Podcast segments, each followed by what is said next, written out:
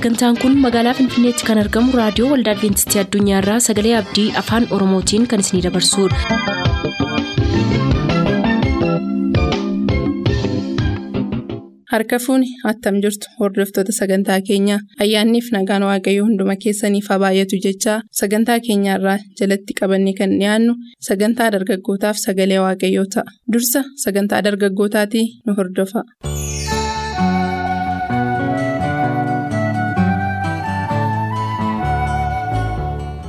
Nagaan keenya jaalalaaf kan kabajaa bakka jirtan maratti isiniif baay'atu akkam jirtu jaallatamoof kabajamoo dhaggeeffatoota sagalee abdii torban lamaa yeroo tokko kan isiniif qabannee dhiyaannu kun qophii sagantaa dargaggootaati. Sagantaa dargaggootaa keenya kan kanaan duraa keessattis kitaaba qulqulluu keenya keessaa fi seenaa namoota adda addaarraa wanta barumsa isinii ta'a jennu qabannee dhiyaachaa turre har'as kitaaba qulqulluu keenya keessaa seenaa nama guddaa tokko isiniif qabannee jirra kan wajjin sagantaa kana isiniif dhiyeessaa turru waggaarii hiiggazuu wajjinidha. qophii keenya haga dhumaatti akka hordoftaniif asumaan waamicha kabajaa isiniif gochaa gara sagantaa keenyaatti isin dabarsuu dura waaqa gaariin kadhannaa nuuf godheetu nu jalqabsiisa nu waliin tura. Jaalala bara baraatiin kan nu jaallatte qulqulluudhaaf ulfina qabeessa kan taate gooftaa keenyaa uumaa keenyaa fayyisaa keenyaa yaa waaqayyoo gaarummaatti nutti agarsiifteef. biyya lafaa rakkinni gidiraa balaa waan namaan keessatti baay'ate keessatti eegumsa addaa nuuf gootee yeroo kana waan nu geesseef maqaa gooftaa keenya yesuusiin galanni siif haa ta'u. yeroo kana immoo gooftaa keenyaa sagalee kee keessaa yeroo barannu hafuurri qulqulluun jireenya keenya keessatti akka hojjetu si waaqayyo keenyaa akka agarru si waaqayyo keenyaa wajjin akka jiraannuuf waaqa hafuura qulqulluu akka nutti dubbattu isa dhageenyu hojiirra oolchuu akka dandeenyu mootummaa keetiif akka qophoofnuuf. hafuurri qulqulluun nu keessatti hojii isaa akka hojjetuuf si kadhannaa ati gidduu keenyatti argami. dhaggeeffatoota sagalee waaqayyoo hafuurri qulqulluun bakka jirtan hundumaatti isinii wajjin haa ta'u. ayyaanni waaqayyoo hunduma keenyaaf haa baay'atu. maqaa gooftaa yesuusiin. Galatoomii waggaarii egaa. jalqabaa akkuma caqasuuf yaale seenaa nama guddaa tokkodha kan nuyi har'a ilaaluuf adeemnu nama kitaaba qulqulluu keenya keessatti seenaa addaa qabu atis seenaa isaa yeroo hundumaa kan dinqisiifattu kan ajaa'ibsiifattu anis immoo yeroo hundumaa jireenya isaarraa kan hin barumsa guddaa baradhe seenaa yohaannis cuuphaati kan nuyi walii wajjiniin qorachaa adeemnu. Jireenya dargaggootaa irratti jireenyi nama kanaa barumsa baay'ee dabarsuu danda'a jennee waan filannee fi seenaa nama kanaa filanneetu jirra kitaaba qulqulluu keessaa namni kun iddoo guddaa qaba. Yeroo hundumaa yeroon waa'ee seenaa isaa qoradhu. Yeroo waa'ee seenaa isaatiirra deddeebi'ee ilaalu nama addaa ta'e natti argamaa jechuudha. Kanaaf har'a filannoon carraa kan irra buuse yohannis cuuphaadha. Mee waa'ee isaa irratti. Waan si ajaa'ibu hoo jiraate seensaaf akka ta'utti jireenyuma isaa sababii kanaaf hin jaalladha kan jettu hoo jiraate waa tokko tuqiiti gara kutaattaa nutti nu ceesisi. Seenaan Yohaannis Cuuphaadhaa kan namatti toludha. Nama addaati. Jalqabuma isaa yeroo ilaallu dhalooti isaa hafuuraan kan ta'e akkasatti dhaloota isaatii hiikaa kan qabu kan waaqayyoon qindaa'e ta'uusaa ilaalla. Kana keessatti immoo gara. Abbaasaaf haadha isaatii dhaquun keenya naaf. Abbaan isaaf haati isaa nama akkamii akka ta'an? Seenaa kana keessaa wanta baay'ee baranna. Seenaan isaa waan nu barsiisu qaba. Gara jalqabaatti yeroo ilaallu seenaa abiraamiin kan nu yaadachiisu qaba. Umurii isaadhaa kan nu yaadachiisu qaba. Gara abbaa fi haadha yohaannis cuuphaa zakkaariyaasiif elsaabeetiin yeroo ilaallu illee seenaa wal fakkaatu waan qabuuf jechuudha. Kanarraas wanta barannu qabna. Sababiin isaa wangeelaa. Luqaas boqonnaa tokko lakkoofsa ja'a irratti lachuun isaanii abboommii gooftaatti fi seera isaa raawwachaa fuula waaqayyoo duratti jireenya qajeelaa jiraatan jedha. Abbaa Faatisaa. Abbaa Faatisaa. Yeroo sana keessa luboonni gurguddaatti hojii lama qabu. Inni tokko masiidhaaf kadhachuu. Waa'ee dhufaatii masiichaa. Waa'ee dhufaatii masiif jechuudha. Inni itti aanu immoo cubbuu sabaatiif kadhatu waaqayyoo. Saba isaatti akka araaramuuf cubbuu isaanii akka isaaniif dhiisuuf. Kanaaf hafuurumaan kan qindaa'edha seenaan Yohaannis cuuphaa kun kan ilaallu. Galatoomii waggaari keessa na duraa seente balbala siibanii keessa na duraa seentee tuqaa gara fuulduraatti itti bubu'uun nurra jiru. Na duraa tuttuqxee mee egaa tooruma qabannee haga dandeenyetti tartiibumaanii waan jireenya isaarraa barru kana jireenya isaa kana caqasaatu waan jireenya isaarraa barru kaasaa deemna atuu lukaas boqonnaa tokko kaasteettaa silaa mee amma immoo yaadii lukaas boqonnaa tokko lakkoofsa shanii haga 25tti jiru yoo laaltu akkaataa dhaloota isaa irratti xiyyeeffannoo kenna kutaan suni akkaataan dhaloota isaatii akkaataa addaati gaafa siin jedhu amma biyya lafaa kanarratti. Seenaa kara baayoloojii kara saayinsii biyya lafaas yoo qoratte uumamumaan immoo jireenya dhala namaarraas yoo ilaalte namni sa'aatiitti dhala godhachuu danda'u qaba yerootti dhala godhachuun hin ayyamamneefis jira waaqumatu daangeesse daangaa kana akkaataan dhaloota isaatii egaa yoo laaltee fi waan addaati waa'ee saaraatuu kaastee turte saaraan umurii meeqatti akka dhala godhatte egaa boodattuu itti dhufna tuqaa sana. Yohannisii fi dhaloonni yohannisii abbaa fi haatii yohannis elsaabeetii fi zakkaariyaasiin yoo kutaa sana ilaalte nama yeroon isaanii duraa sokke umuriin isaanii deeme dhala godhachuun akka sirna uumamaatti hin ayyamamneeftu dhala godhate jechuudha mee waan kana kanaa waan ajaa'ibsiifattu qabdaati. waan ajaa'ibsiifadhu kanarratti qaba kun amma ergicha laalla ergaan isaaniif dhufe sun waaqayyo biraati. Ergaa jechuun kee erga namni waa'ee erga maatiinis himame utuu haasofnu akkaataan dhaloota isaatii kanasitti dabaluu dandeessa. Kun egaa amma wanta akka nuyi daballee raajeffannu kan nu godhu keessaa tokkodha kun namoonni umurii isaanii ilaalu umurii isaanii yeroo ilaalanii qaama isaanii irratti jijjiirama jiruun uumamaan tilmaamu waa. Yeroo laallu kun wanta nama ajaa'ibadha umurii sanatti dhala godhachuun hin yaadamu akka namaatti hin yaadamu akka namaatti waan hin yaadamneef nama ajaa'ibsiisaa jechuudha yeroo kan ta'uudha ergamaadhaan itti himame isaan kadhachaa turaniiru. Yeroo kadhachaa turanii sana fuuldura seenaan kun karoorri daani'el keessatti wanti raajiidhaan dubbatame waan jiruuf jechuudha fakkeenya naabukadnaazooritti kan mul'ate bifa fakkeenyaa. Jira ammachi keessa sana keessatti yeroo daani'el hiikaa itti kennu tartiiba sana keessatti yeroo mootummaan akka jijjiiraman yeroon akka jijjiiramu sana keessatti immoo gahee guddaa masii hin qabu. Bara akkamitti dhalachuun irra jira akka irra jiraatu. Kanaa booddee dhumarratti immoo dhumni illee akka ta'u. Hin kaa'a waan ta'eef sana keessatti raajii wanta dubbatamedha ergamaan sun kan dhufee dubbataa jiru. Sana keessatti yeroo ilaalu ergamaatu itti dubbate waan ta'eef ergamaan sun amma isuma bara daani'el keessa tartiibii mootummaan akka wal jijjiiru. Dhuma irratti immoo mootummaa eenyutu dhaabatee akka hafu kan masiis yeroo kaasu daani'elitti dhaqee dubbateera. Isuma daani'elitti dhaqee dubbate waa'ee ergaasa jalqabaa sana isuma kanatu immoo xumuraa sana irratti dhufee xumuranii dubbate. Waggaa dhibbaa shan fuuldura kan dubbatame sanatu xumuraa yeroon isaa yeroo ga'u immoo amma ammas garbeen dhufeetti dubbachuu isaa laallaa jechuudha. Kanaaf waan ajaa'ibaa isa godhu haala namaatiin yoo ta'e. Dhumaadha maaliif banuun itti cimee miti reena lakkaariyaasitti amma fakkeenyaaf nama umurii isaa ilaalu ati manaa kosichi dhala godhachuu dandeessu jedhee kaayira waan ta'eef inni dhumaadha. Amanuyyuu waan dide sanaa fi didaa ta'e argitee amma gaafa mucaan sun dhalatuutti arrabisaa akka hin qabne godhe waaqayyo waaqayyoon amanuu waan dadhabeef yeroo kun itti dubbatu. Kun amma yoo ilaalte kunillee waan nu barsiisu qaba. Agartee ergamaan sun yeroo isaatti dhufe. Kan Daani'eliif ibsaa ture yeroo isaatti Isaayyaas keessatti kan dubbatamaa ture gooftichaaf kan karaaru sagalee lafa onaa keessa waan akkasii dhaloota isaa ka'aa ture jechuudha. Kun amma waan tartiibaan adeemu yeroon isaa yeroo ga'u yeroo dhalachuu isaatti yeroo ga'uutti immoo dhufe yeroo isaa eeggate. Namni kun yoo ilaalte ergamaan kun nama fuula waaqayyoo dura dhaabbatudha. Waaqayyoo irraa. Inni akka sedhee moof ibse ani Gabriel isa fuula waaqayyoo dura dhaabbatudha jedhee moof ibse.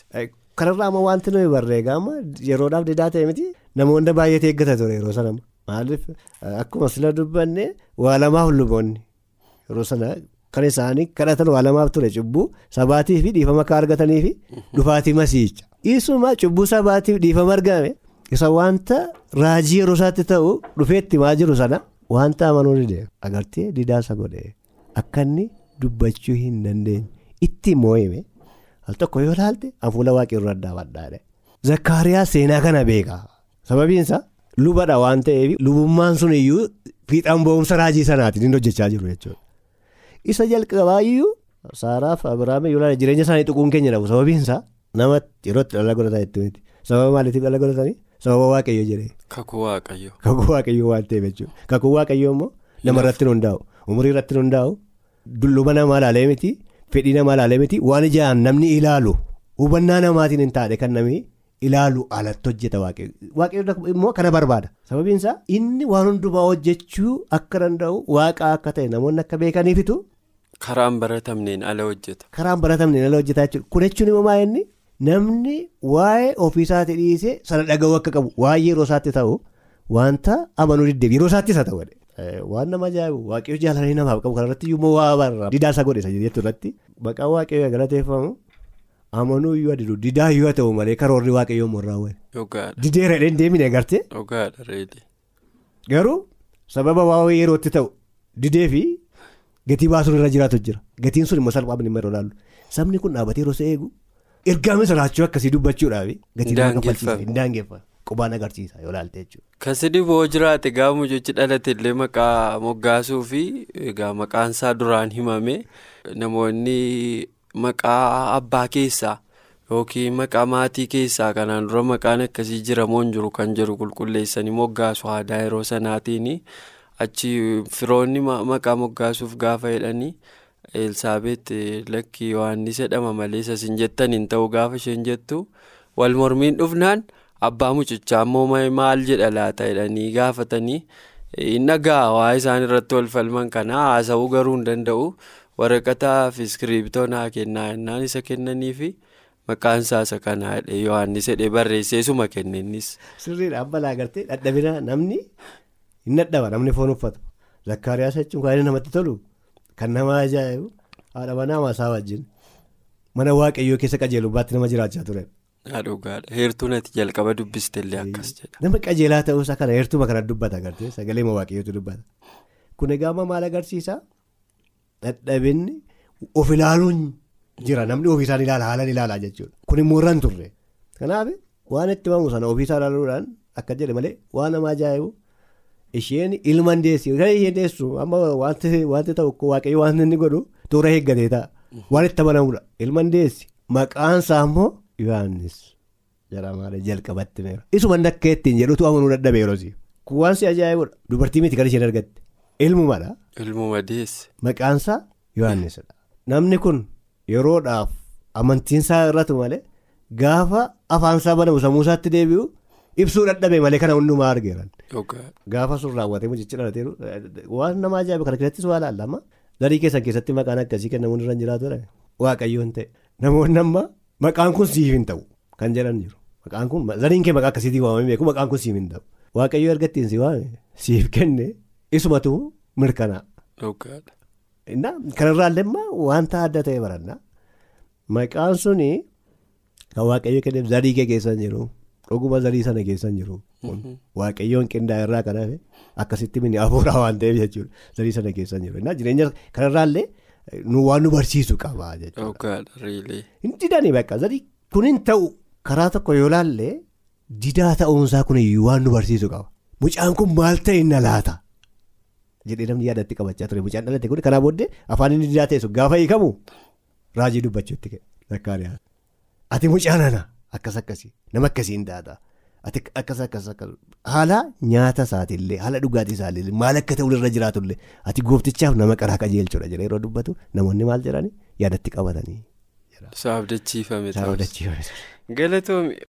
Kabajamoo dhaggeeffatoota keenyaa sagantaa dargaggoota har'aa keessatti barnoota gaarii barattaniittu jedheen abdii qabaa qophiin dargaggootaa kun hammas kutaa biraadhaan sichitti fufuuf jira kanarraa ammoo asirratti xumurree jirra.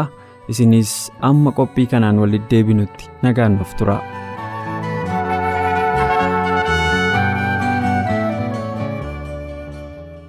Turtanii reediyoo keessan kan banatan kun raadiyoo adventistii addunyaa sagalee abdiiti kanatti aansee sagalee waaqayyootti isiniif dhiyaata nu waliin tura.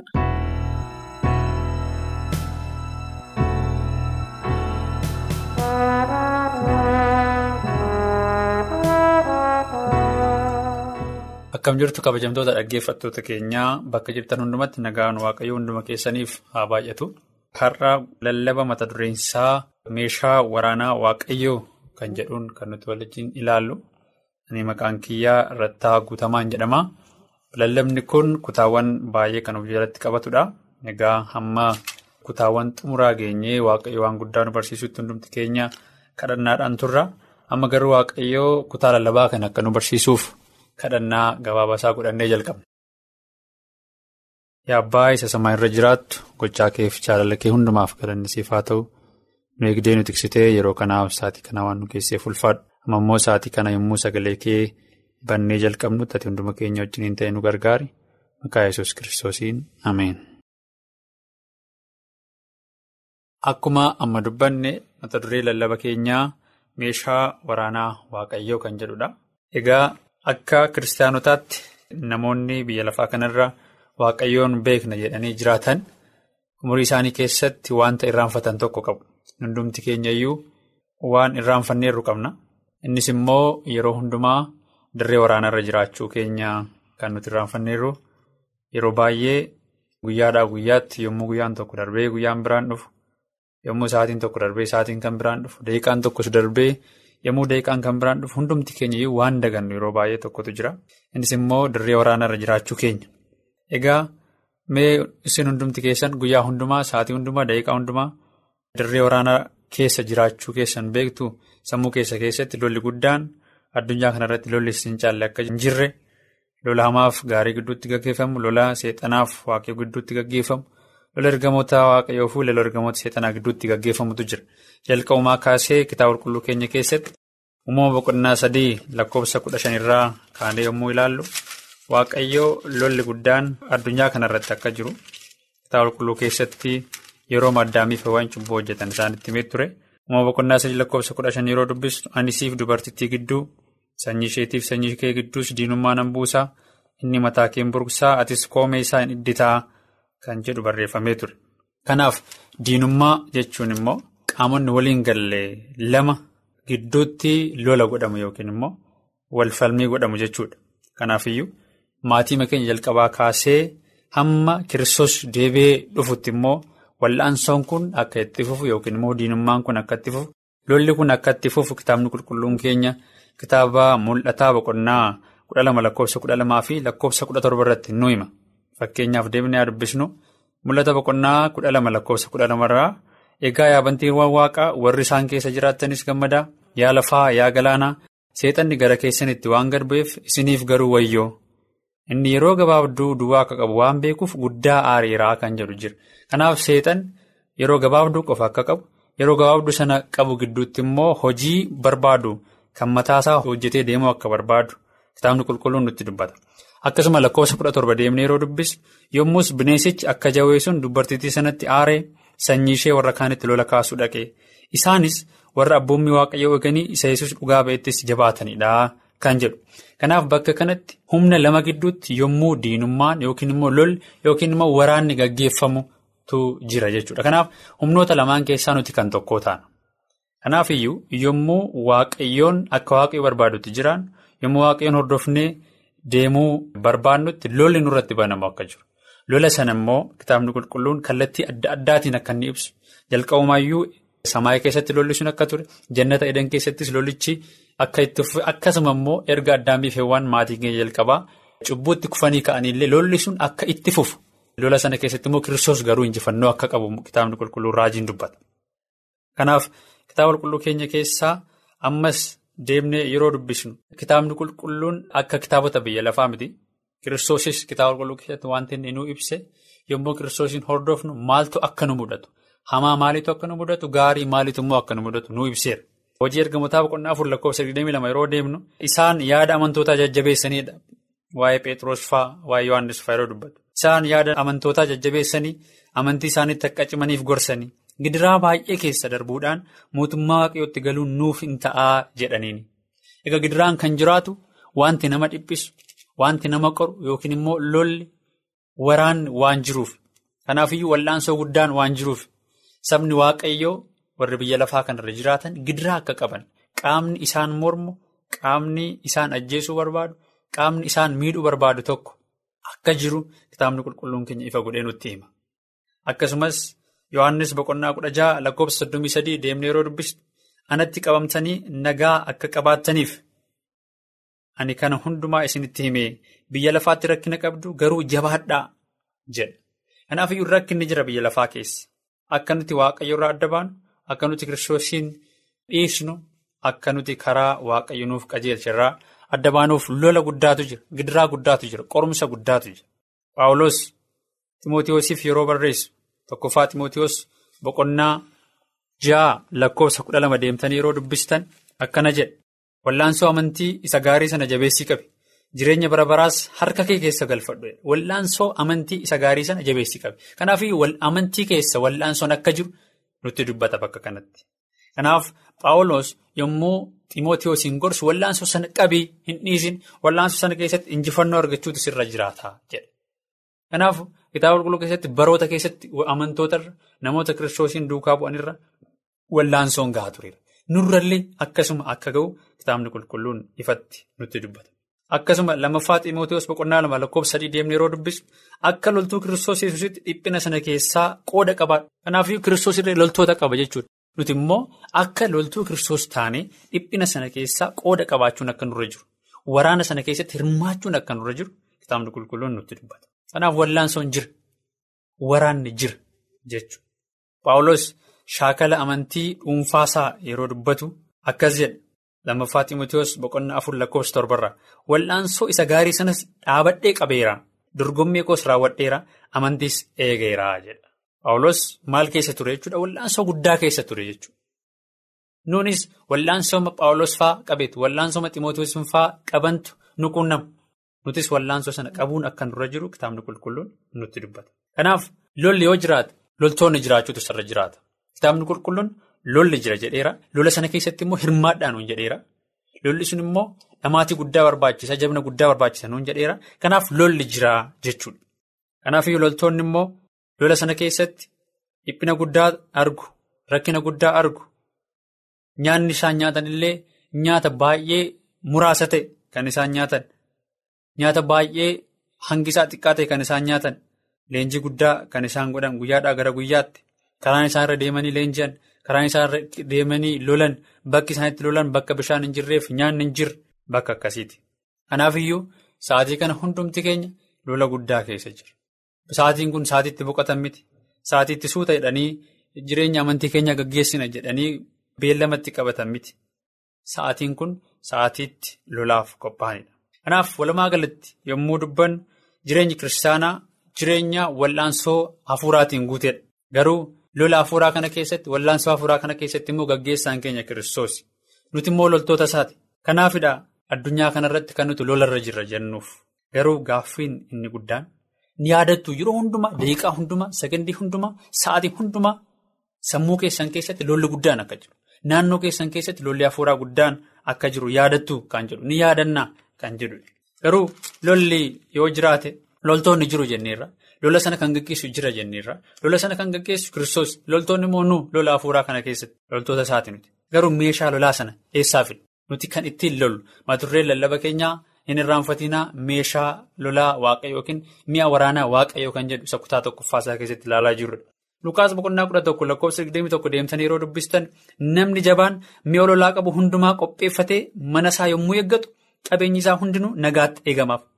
Kanaafiyyuu lolli jira. Lola kana keessatti garuu mi'a lolaa qopheeffachuutu nurra jiraata. Yoo hin qopheeffanna ta'e qabeenyi keenya nagaatti eegama. Nagaatti jiraanna. Garuu meeshaa lolaa sana hin qabnu taanaan qabeenyi keenyas nagaan ta'u. Tokkoffaa Phexros boqonnaa afur lakkoofsa tokkos deemtanii yeroo dubbistan Kiristoos namummaa fooniitiin erga dhiphatee isinis immoo akkuma isaa yaaduudhaan akka nama lolaaf mi'a hidhateetti taa'a. Akka nama lolaaf mi'a hidhateetti. Mi'a lolaa qabaachuun akka nurra jiru kitaabni qulqulluun nutti dubbata. Garuu immoo tokkoffaa Qorontoos boqonnaa sagal lakkoofsa torba yommuu dubbisu namni loltuu ta'ee qacarame horii ofii isaatiin lola dhaqee beekaare. Nuti loltoota hoo jenne horii ofii keenyaatiin yookiin immoo meeshaa waraanaa ofii keenyaa qopheeffanneen lola sana dhaquu hin dandeenye. Ilaalaa loltoonni biyya tokkoo baasii mataa isaanii baasanii uffata ofii isaanii bitatanii meeshaa waraanaa ofii isaanii bitataniitu miti kan isaan lolatti dhiyaatan. Qaamni isaan lolchiifatu meeshaa waraanaa sana nyaata. Uffata wanta guyyaa guyyaatti isaan barbaachisu hundumaa keessumaa immoo wanta lola sana keessatti isaan barbaachisu hundumaa kenneefiitu gara dirree waraanaatti erga malee ofii keessan bitadhaan jedhu. Kiristoosis akkasuma gaggeessaan waraanaa kanaa kiristoos nuti immoo loltoota isaati. Kanaaf dirree waraanaa kana keessattis nuti meeshaa waraanaa ofii keenyaa kan qabnu hin qabnu meeshaa waraanaa hafuuraa jechuudha. Akkasuma akkuma biyya lafaatti ilaalamu jechuudha. Uffata ofii keenya uffanna miti kophee ofii keenya bitanna miti garuu abbaan lolaa sun lola sana kan gaggeessu. Wantoota kana hundumaa akka qindeessu yookiin immoo akka fidu nutti hima kitaabni qulqulluun.